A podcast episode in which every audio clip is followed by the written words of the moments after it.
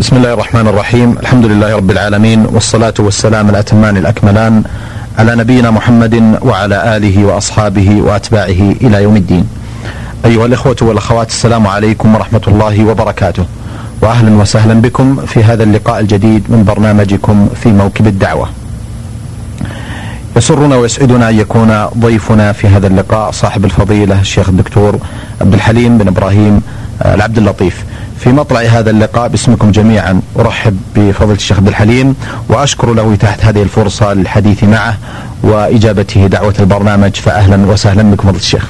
حياكم الله وحيا الأخوة المستمعين. الشيخ عبد الحليم في الحقيقة من خطتنا في هذا البرنامج وسيرنا عليه أن نستمع في بداية ومطلع كل لقاء إلى البدايات الأولى لكم مولدا ونشأة أين كانت؟ بسم الله والصلاة والسلام على سيدنا رسول الله وعلى آله وصحبه ومن تبع هداه وبعد كانت البداية والولادة في بلدة شماسية ثم انتقلت في وقت مبكر إلى مدينة بريدة وبدأت الدراسة كما هو معلوم في شماسية ثم بدأت الدراسة من الصف الثالث الابتدائي في المدرسة الفيصلية ببريدة ثم بعد ذلك انتقلت إلى المعهد العلمي في مدينة بريدة وأكملت دراستي فيه ثم بعد ذلك التحقت بكلية الشريعة بالرياض وأكملت الدراسة فيها ثم التحقت أيضا بالعمل في سلك التعليم في وزارة المعارف أولا معلم في مدينة عنيزة في إعداد المعلمين والمدرسة الثانوية فيها ثم بعد ذلك انتقلت مدرسا في في مدينة بريدة في ثانوية بريدة فوكيل لهذه المدرسة ثم مديرا لها. ثم بعد ذلك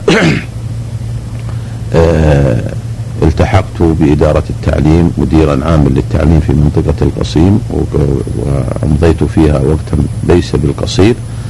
ثم انتقلت إلى مكتب صاحب السمو الملكي أمير منطقة القصيم مستشارا في مكتب سموه ثم بعد ذلك انتقلت إلى جامعة الإمام محمد بن سعود الإسلامية مدرسا في كلية الشريعة وأصول الدين بالقصيم. ثم بعد ذلك أعيرت خدماتي للرئاسة العامة لتعليم البنات مديرا عاما لكليات البنات في منطقة القصيم. هذا ما يتصل بالحياة الوظيفية. أحسنتم أثابكم الله. دكتور عبد الحليم لا بد أن الإنسان دائما هناك بصمات تظهر عليه. جراء شخصيات تأثر بها أو نالت إعجابه أو كان لها تأثير تربوي أو علمي أو توجيهي على حياته وتوجهاته. أبرز تلكم الشخصيات التي كان لها تأثير ودونتم أسماءها في ذاكرتكم إلى الآن شيخ عبد الحليم. لا شك أن الإنسان يعني يتأثر بأشخاص إنسان كما هو معروف في التربية والتعليم أنه مؤثر ومتأثر. وهناك شخصيات بارزة وبينة واضحة في حياة الإنسان ونحن نعلم أيضا مدرسة الحياة وهي المدرسة الشاملة والكاملة والواسعة. أما في مجال الطلب ف يعني تلقيت العلم على أيدي مشايخ كبار وهم كثير سواء منهم في المدارس النظامية المدارس الابتدائية والمعهد وكلية الشريعة إلى آخره أو ما يتصل بالناس الآخرين في حلق العلماء وهم كثير بحمد الله. أذكر منهم في مجال الطلب الشيء الكثير وهم مثلا الشيخ محمد العبودي في الابتدائي وفي المعهد العلمي وأيضا الشيخ عادل حصير رحمة الله عليه وهو تربوي فذ ممن علمونا في التعليم الابتدائي. الأستاذ محمد البشر تعلمت على يديه مرتين مرة في التعليم الابتدائي ومرة لما كنت مساعدا له في ثانوية بريدة. تأثرت به كثيرا وفي تجربته وبدقة إدارته. ثم أيضا ما, ما يتصل بالمعلمين في المعهد العلمي. كان في ذلك الوقت المعلمون يعتبرون يعني خاصة الذين أتوا للمعهد العلمي يعتبرون من الطراز الأول ومن النخب الذين اختيروا اختيارا دقيقا. أذكر منهم مشاهير مثلا عبد الشيخ عبد الرزاق عفيفي درسنا عليه في المعهد العلمي وفي كلية الشريعة. آه، الشيخ مناع القطان رحمة الله على الجميع الشيخ علي الضالع الشيخ صالح بليهي الشيخ صالح السكيتي يعني هؤلاء من الرموز ومن الإخوان المصريين الأستاذ لنا في النحو يدعى أو يسمى الشيخ علي غازي علي شباط ورمضان أبو العز. هؤلاء الأعلام يعني كانوا مثال في التربية والتعليم كانوا قدوة يعني هم كما نسميهم في التربية من المدرسين الأكفاء الذين يعطون من سلوكهم ومن أخلاقهم ومن مقدرتهم العلمية والتربوية. وهم كانوا على على يعني جانب كبير من من التربية والتعليم ومن في الناحية العلمية الصرفة التي هي تهم الطالب كثيرا فهؤلاء وأيضا تأثرنا بأشخاص في الحياة العملية كما أسلفت وهي مدرسة الحياة تأثرت كثيرا بأشخاص بصحبتهم باللقاء معهم بالحديث معهم. مثلا يعني الشيخ محمد العثيمين الشيخ صاحب صين وتعالى الله الشيخ عبد الرحمن الدوسري وغيرهم من العلماء الذين اجتمعنا بهم وهم على سبيل المثال الحصر فهم كثير.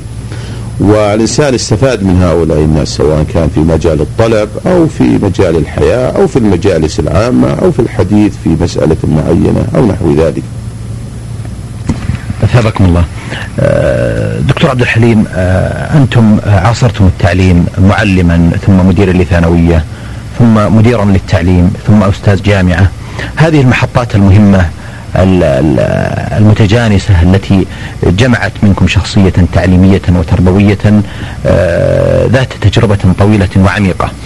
آه، بعد هذه التجربة الطويلة والممتدة آه، والتي استمرت لسنوات طويلة دكتور كيف خرجتم من التعليم بهذه الحصيلة الكبرى بعد هذه التجارب المتنوعة التي حطتكم في عدد من المحطات المهمة آه، وأيضا المختلفة التي ولدت تجربة آه، ثراء كبيرة نستمع منكم إلى أبرز آه، ما فيها.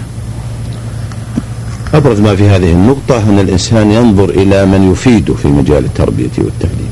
ونحن لا نزال ولن نزال نشكو من من أمرين في التربية والتعليم. الأمر الأول مدرس الضرورة والمدارس في في وخاصة مع الأسف الشديد في ديار الإسلام وهم كثير. لأنه أحيانا أدخل على المهنة من لا يجيد أو من لا يعرف أصوله. أحيانا لا يجيد وأحيانا لا يعرف أصوله وهذه مشاكل. فهذه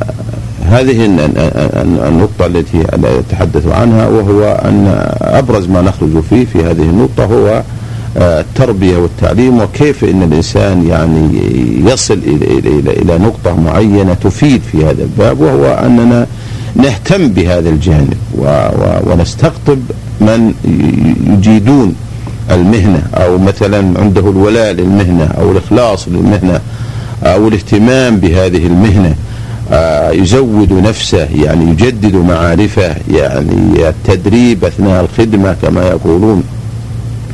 فنحن عندنا في هذه المسألة آه، هذه المسألة بالذات يعني مسألة الحصيلة التي خرجنا فيها وأن هو أننا لا ندخل على هذه المهنة من لا يعرف أصولها ولا يجيدها. أيضا نتخلص ما استطعنا من مدرس الضرورة نهتم بهذا الجانب كثيرا ونبتعد عن التنظير والأشياء التي مثلا تتلقى و و ولا نستطيع أن نطبقها في, في, في المجال العملي الواقعي إنما ننزع من المكان نفسه مما نستطيع ومما نهضمه.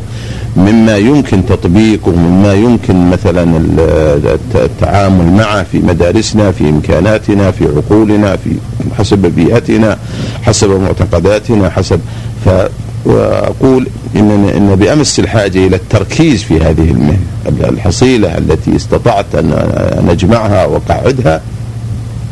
هو اننا في مدارسنا في مدارسنا في ديار الإسلام عامة أن نعيد النظرة في التربية والتعليم، نعيد النظرة في في في معلمنا، نعيد النظرة في المناهج، نعيد النظرة في البرامج، نعيد النظرة في فيما ينبغي أن يكون نكيف المدارس حسب تربيتنا الإسلامية الأصيلة ذات الأصول والجذور العميقة وأيضا ننظر إلى ما يصلح لهذه البلاد ما يصلح لهذه العقول ما يتماشى مع العقيدة مع الأعراف مع الفلسفة التربوية التي يريدها الناس في تعليم البنين والبنات. أحسنتم دكتور. دكتور قبل أن أتناول العديد من النقاط التربوية والعلمية أيضا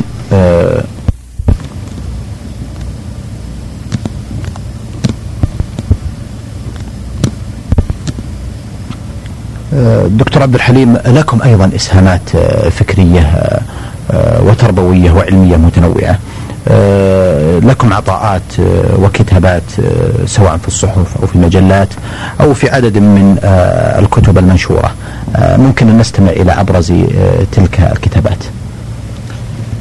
ما يتصل بالتأليف أو المشاركة في العطاءات الفكرية والعلمية التأليفية آه، لما كان في التعليم كان الإنسان منشغل في في في التربية والتعليم والأعمال الإدارية.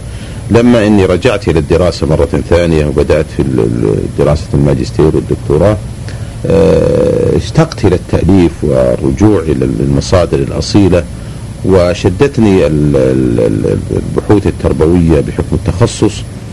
فبدأت في تسجيل وتقييد وتقعيد أحيانا ما, ما, ما ينبغي أن يكون سواء من كلام رجال التربية والتعليم السابقين واللاحقين وخاصة رجال التربية من المسلمين الذين عنوا عناية فائقة ومتميزة في, أصول التربية الإسلامية. ومقارنة هذه التربية الجيدة الفذة بما يشاع ويقال ويذاع ويراد تطبيقه في ديار الإسلام من تربية وافدة من تربية غثة من تربية ممقوتة أو ممجوجة أحيانا. فبدأت بهذا الجانب وبالإضافة إلى الرسائل الماجستير والدكتوراه التي هي رسالة الماجستير حديث الإفك ودور المنافقين فيه.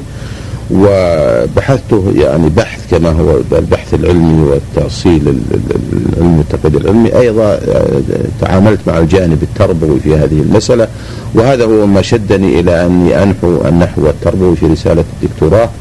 التي كانت بعنوان التربية في القرآن الكريم أساسها أسسها مجالاتها أساليبها وركزت على تربية القرآن وأنها تربية غير مسبوقة ولا ملحوقة وتربية فذة وتربية ينبغي أن تعمم على العالم أجمع لا على أمة الإسلام فقط بما فيها من الشمول والتميز والأصالة والمعاصرة أيضا التي يدعونها.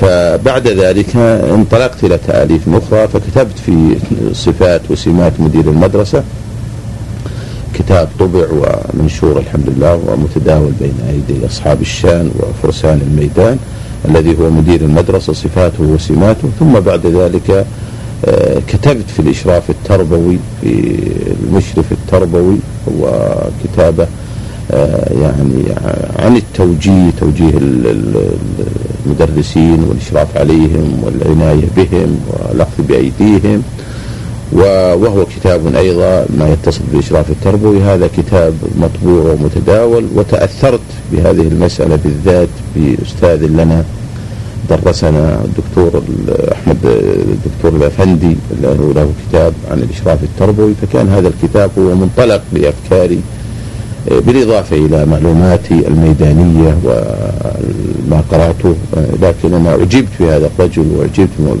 بمؤلفه الإشراف التربوي لأنه يعتبر فذ في بابه هذا الكتاب المتميز وأنصح كل مشرف تربوي آه، أن أن يحصل عليه وأن يقرأه وأن يتمعن ما فيه. وهو عطاء بشري لا يسلم من من بعض بعض الأمور التي لا يسلم منها البشر لكن في الجملة كتاب جيد ومفيد في بابه آه بعد ذلك يعني لا زلت أقيد وأسجل بعض المؤلفات. آخرها كتاب الآن بأيدي الزملاء في النادي الأدبي وهو الآن في المطابع. وقد يكون خرج الآن إلى إلى إلى إلى الأسواق وهو المعلم الكفر فأنا أردت أن أحيط بهذه الثلاثة الذي هو مدير المدرسة وثم آه، المشرف التربوي ثم المدرس. الكفء هؤلاء الثلاثة هم هم فرسان العملية التعليمية.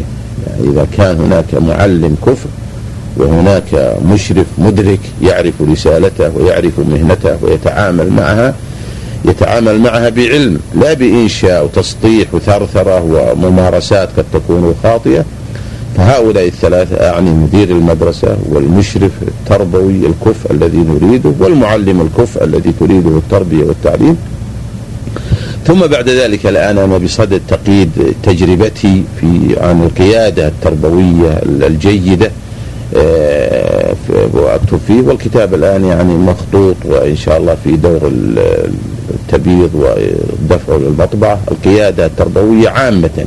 يعني يشمل مدير التعليم ويشمل مدير المدرسة ويشمل المدرس ويشمل من يعمل في الوزارة في الجهاز سواء كان وزيرا أو وكيلا أو مديرا عاما أو من يعمل في أي جهاز. المهم أنا عنونته بهذا العنوان وهو القيادة التربوية. كيف كيف يكون القائد التربوي؟ ما هي صفاته؟ ما هي سماته؟ ما هي علاماته؟ ونحن في التربية والتعليم مع الأسف الشديد كما أسلفت في أول هذا الحديث أدخل على هذه المهنة الشريفة المهنة العالية التي يجب أن تكون قمة القمم أدخل عليها مع الأسف الشديد في مختلف المجالات من لا يحسنها من لا يعرف أصولها من لا يتقيد بها من لم يهتم بها ليس له ليس له ولاء لها لم يعد لها أصلا إنما أعد كأي دارس. فهذه المهنة لما دخلها من دخلها وأصبحت في بعض ديار الإسلام حاطب ليل أو دخلها من أجل الوظيفة أو نحو ذلك أصبحنا في بلادنا الإسلامية بحاجة إلى التقييد والتقعيد وبيان المواصفات للقائد التربوي كيف يكون مع نفسه كيف يكون مع زملائه كيف يكون مع أقرانه كيف يكون مع خلانه كيف يكون مع طلابه. فالقيادة التربوية هامة. ثم بعد ذلك آه، لدي كتابات أسأل الله سبحانه وتعالى يعين عليها وهي عن إدارة التعليم. يعني القيادة التربوية خاصة بإدارة التعليم. ما ينبغي يكون عليه مدير التعليم صفاته سماته علاماته مميزاته. آه، الصفة المميزة لهذا الرجل الذي يجعل يعني مندوبا أو مسؤولا أو مديرا للتعليم في هذه المنطقة يمثل الوزارة يمثل الجهة يمثل التربية يمثل التربية والتعليم بوجه عام يتأسى به يقتدى به يقتدي به مدير المدرسة يقتدي به المدرس يقتدي به الطالب. له مواصفات له له تميز له صفة معينة فأنا بصدد أولا تسجيل هذه التجربة ثم بيان ما ينبغي أن يكون على قدر علمي وقدر على قدر مقدرتي ومعلوماتي وما وصلت إليه. يضاف إلى ذلك ما قرأته أو ما علمته أو آه، ثابكم الله شيخ عبد الحليم. آه، يلاحظ من هذه الكتابات التي آه، اهتممتم بتدوينها عن العملية التربوية والتعليمية الفراغ الذي يعني ينتاب أو يحيط العملية التعليمية والتربوية من جراء عدم الكتابات المنهجية التي تخدم المعلم ومدير المدرسة والتربوي. ولذلك آه، كانت كتاباتكم أعتقد أنها ستملأ فراغا كبيرا كان يشكو أو كانت تشكو منه تلك الفئات لعدم وجود المرجعية العلمية والكتابية التي يمكن أن تحفزه وأن يسير عليها في عمليته التعليمية والتربوية الشريفة. يلاحظ في التربية والتعليم والكتابة فيها وأنا قلت مرارا وتكرارا في كتابات مختلفة الغلط والخلط الشائنة يعني والشائهة في في أمور أخرى والتخبيط وخلط الأمور لأنه كما دائما نقوله ونؤكده ونستسقيه من من كتابات كبار التربية والتعليم شرقا وغربا ومن رجال التربية من المسلمين الذين هم العماد في هذه المسألة. يلاحظ أن هذه المهنة يكتب فيها الفارس وغيره يكتب فيها المجيد وغير المجيد. وأنا يعني برأيي أنا كما يعني عقلت من كلام المختصين اكله إلى سببين. السبب الأول أن هذه المادة مادة آه، سهلة. آه، مادة محببة إلى النفوس. ليست سهلة في مادتها لكن آه، سهولتها بمحبة الناس لها. الكثير يهوى الكتابه في مجال التربية والتعليم. الكثير يهوى انه يشارك الكثير أب والكثير آه، آه، الكثير من الناس يستهويه الكتابة في هذه المسألة بالذات. يستهويه أنه يشارك لسبب أو لآخر. هذه الكتابة في مجال التربية والتعليم يمتطيها رجال التربية والتعليم ويمتطيها غيرهم ممن ليسوا من أهل المكان ولا يجيدون الكتابة لسبب أو لآخر. فيحصل ما أسلفته من الخلط ومن الخطأ ومن التنظير ومن الكلام غير المقعد غير المقيد غير المعترف فيه غير المدقق. ف دائما نؤكد ونقول ينبغي لرجال التربية والتعليم أن, أن, أن, أن يكتبوا في مجالهم يظهروا ما عندهم يبينوا للناس أن هذه المادة أعني مادة التربية الإسلامية ليست من المواد السهلة التي ينبغي يكتب فيها كل واحد أي واحد عنده فراغ أو عنده مسألة أو نسميها مشكلة أو يريد أن يطرق موضوعا. يكتب في الصحف يكتب في كتاب يكتب يتكلم يتحدث. آه، لا تلاحظ مادة من المواد يشترك فيها العامي والمتعلم وغيره آه، مثل ما نسمع في التربية والتعليم. الناس في مجالسهم يتحدثون عن التربية والتعليم ويقولون ينبغي ويجب أن يكون كذا ونحو ذلك مع أن المسألة مسألة علم ومسألة تأصيل ومسألة معرفة ويرجع إلى أصحاب الشام في هذه المسائل. الناس الخواص والعوام يتحدثون عن الامتحانات يتحدثون عن تسجيل الطلاب يتحدثون عن المناهج يتحدثون عن البرامج يتحدثون عن ما يمارسه المعلم الكفء المتدرب المتخرج من كلية التربية أو يحمل أعلى المؤهلات في التربية والتعليم يتحدثون عن فنه داخل صفه يتحدثون عن كيف يدقق أو كيف أوراق الطلاب كيف يصحح كيف يعلم كيف يعطي كيف يؤلف. فهذه المادة كما أسلفت للأسباب وأهمها سببان عذوبة هذه المادة حب الناس لها كونها تشد الناس يعني كل الناس لهم أولاد ويدرسون وتهمهم هذه المسألة لأنها مع الناس في في سكن حركاتهم وسكناتهم. فيتحدث فيها المجيد وغير المجيد. فنحن نقول من واجب رجال التربية والتعليم وهم في بلادنا خاصة لدينا في بلادنا تربية متميزة لنا مثلا فلسفة معينة لنا تأصيل معرفي جيد وأنا أعلم ويعلم غيري من الإخوة أن في بلادنا العديد من التربويين البارزين.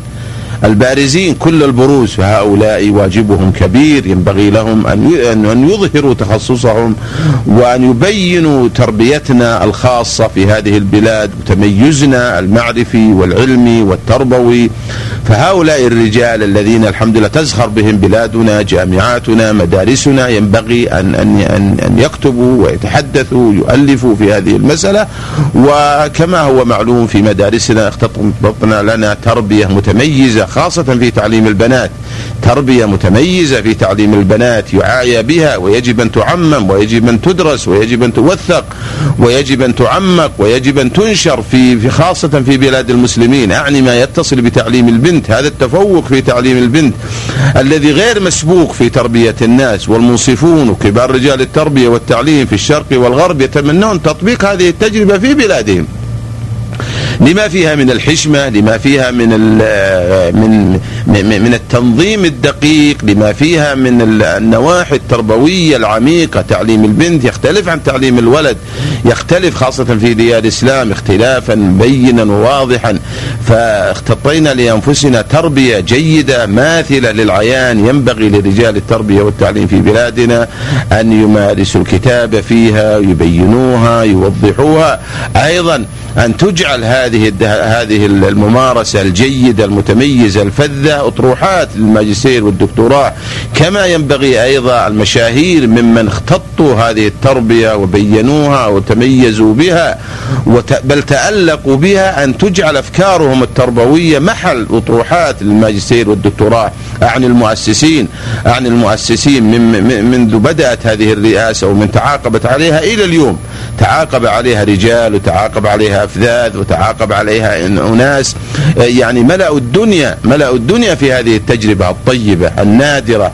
الإنسان الآن يثق على بنته في مدرسة البنات أكثر مما يثق عليها في بيته.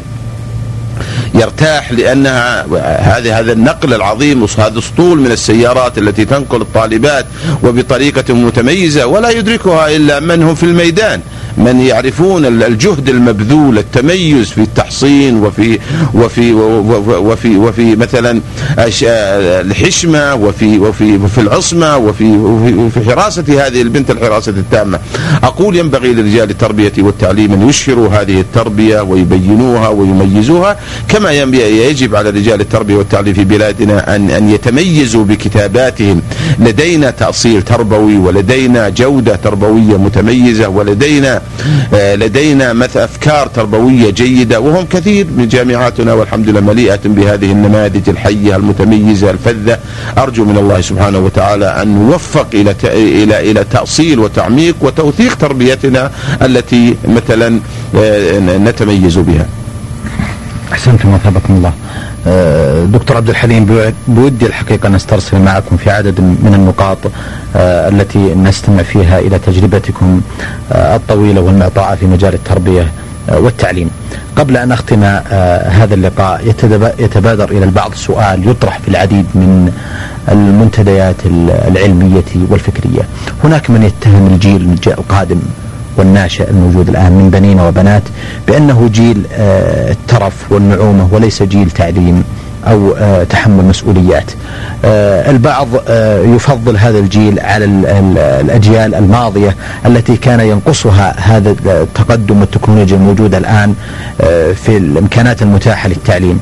هناك من يتهم وهناك من يساند ويثني. دكتور عبد الحليم أنتم عاصرتم هذه الأجيال أعتقد جميعا. بنين وبنات وكان لكم احتكاك قريب عبر مسؤولياتكم المتعددة. كيف ترون النظرة إلى هذه الأجيال؟ آه، الماضية والحاضرة آه، نحو تربيتها وتعليمها.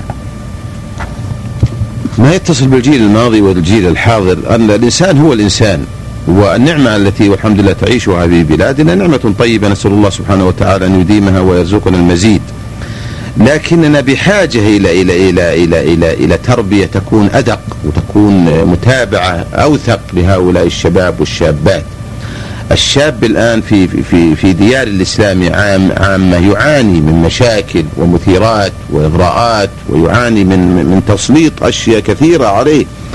ونحن في هذه البلاد الحمد لله نتميز بميزات كثيرة ينبغي لنا بعد حمد الله سبحانه وتعالى عليها أن نحافظ عليها وأن نهتم بالجيل هذا أما ما يتصل بأن الجيل هذا جيل ترف وأنه آه، معلوماته أو تحصيله أضعف من من سبق فهذا محل نظر. ينبغي لرجال التربية والتعليم أن يصدروا الحكم بعد الدراسة والتمعن. وأنا بحكم قربي من التربية والتعليم ممارسة وإدارة إلى يومنا هذا لم أرى ذلك الفارق الذي يقوله الناس في مجالسهم. الناس يتحدثون ويقولون تربية السابقين أجود وتربيتهم أفضل ومن يحمل الشهادة الابتدائية في السابق يعادل من يحمل الجامعية أو يبالغون بطريقة أكثر. وهذا هذا الكلام ليس على إطلاقه. نحن الآن لدينا يعني عقول جيدة لكن هذا عند رجل التربية والتعليم الموثق المدقق يكل إلى أمور كثيرة. منها أولا كان في السابق الأمور محدودة والأمور ضيقة والأشياء التي حول الإنسان في في متناول آه، الجميع. يعني ليست بالكثرة والوفره كما كما نشاهده الآن، يضاف إلى ذلك النعمة. النعمة التي مثلا يعيشها البعض من الشباب والشباب كما هو معروف عجب ربك من الشاب ليست له صبوة. هذا الحديث وثيقة تربوية عامة ينجب لرجال التربية والتعليم أن يدرسوه. فالشاب من طبيعته ومن طبيعته أن يكون على هذه الصفة التي إن لم يربى التربية الإسلامية الجيدة. عجب ربك من الشاب ليست له صبوة. إن الشباب والفراغ والجدة مفسدة للمرء. أي مفسدة؟ رجال التربية والتعليم لم يكن في يوم من الأيام مجالهم أكبر وأعمق وأكثر من, من, من هذا اليوم. ينبغي أن تدرس حالة الشباب والطلاب.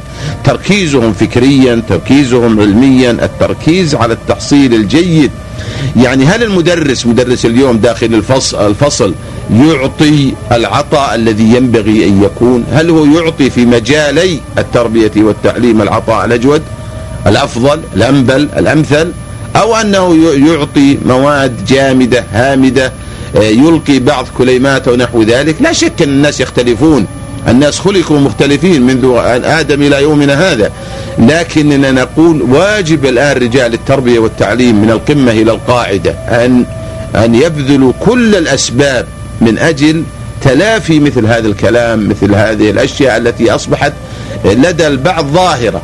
وظاهرة يجب أن تعالج وأن ينظر إليها بدقة بعين مبصرة. يعني رجال التربية والتعليم ينبغي لهم أن يعرفوا ما عليه الشباب والشابات وما هي المثيرات وما هي الأشياء المسلطة عليهم. آه، ليس بالاستطاعة الآن أن, أن, أن, أن نصم آذاننا عما حولنا من أمور من مغريات من قنوات من وسائل إعلام مختلفة. لا بد أن نواجه هذا الشيء بشيء أفضل منه يعني وهو آه، تركيز تركيز الشباب إسلاميا تركيزهم إيمانيا تركيزهم تربويا. وقبل أن نركز الطالب نركز المعلم. وأعود إلى ما قلته سابقا. نعنى بالمعلم نعنى بإعداده نعنى بتحصيله نعنى بتهيئته نعنى بأن نعد الإعداد الأكمل والأفضل في مجال في نعد المعلمين والمعلمات. ثم بعد ذلك نطلب منهم الثمرة. آه الذي أقول ويقول رجال التربية والتعليم ألا ندخل في هذه المهنة إلا من أعد لها. الإعداد التربوي الجيد سواء في البنين والبنات. ثم نركز ثم نتابع ثم سنجد إن شاء الله حصيلة طيبة. يعني الخير في هذه الأمة كامل إلى يوم القيامة. ينبغي ما يصير عندنا مرحلة يأس أو يصير عندنا تشاؤم أو نقول مثلا هؤلاء خلاص أصبحوا الآن الترف وينزعون إلى النوم وينزعون إلى الكسل وينزعون إلى وينزعون إلى آخره من الوسائل الأخرى. لا هذه لا تجدي. يعني ولنفرض أن البعض منها موجود. ينبغي لنا أن نسرع بالعلاج وأن نسرع في في في في في, في الشخوص إلى مدارسنا ومواقعنا التربوية. نعيد النظر في المعلم نعيد النظر في المشرف نعيد النظر في مدير المدرسة نعيد النظر في البرامج والمناهج نكثف الجهد من أجل أن نتلافى ما يقال من سلبيات حول الجيل الحاضر. وأما المقارنة بين هذا الجيل والجيل الماضي يعني لا, لا, قيمة له الجيل الماضي انتهى ووصل إلى ما وصل إليه. ونحن الآن أمامنا جيل حاضر ينبغي أن يطلع بما ينبغي ما يجب عليه في أمور الدين والدنيا. فأقول وأؤكد وأزيد وأعيد أن رجال التربية والتعليم من القمة إلى القاعدة واجبهم كبير ومدارسنا فيها خير كثير. لديهم عقول وعندهم اهتمام وعندهم رغبة في التحصيل لكنهم يريدون المعلم الجيد يريدون المعلم الكف يريدون المعلم الذي يفيدهم يريدون المعلم الذي صنع بعد الله تربويا يعني يعد الإعداد الجيد. المدرس الكفء نجده يهتم فيه و و و وما يلفظ من قول فهو يسجل. ويتابع أما غيره فلا. المهم في هذه المسألة بالذات أننا نعيد النظرة في تربيتنا ونعيد النظرة في برامجنا ونكثف ونعمق وسنحصل إن شاء الله على خير كثير الشاب لديه طاقة ولديه مثلا قوة وبعض المدارس آه، بعض المدارس لا, لا, لا تفي بحاجة الطالب. ولا, ولا, ولا تحقق رغباته ولا تحقق الطموحات ولا الميول. فهناك مدارس منغلقة وهناك مدارس يعني لا تفي بما لدى الطالب من طموحات. لا بد أن ننظر في هذه الأمور قبل أن ننظر إلى سلبيات الشباب والطلاب ونسأل الله سبحانه وتعالى العون والتوفيق والسداد حفظكم الله شيخ أيها الأخوة والأخوات إلى هنا نأتي ختام هذا اللقاء الذي استضافنا فيه صاحب الفضيلة الشيخ الدكتور عبد الحليم بن إبراهيم العبد اللطيف المدير العام لكلية البنات في المنطقة القصيم. أكرر له جزيل الشكر والتقدير على إتاحة هذه الفرصة للحديث معه ونلقاكم على خير في مثل هذا اليوم والأسبوع القادم. السلام عليكم ورحمة الله وبركاته.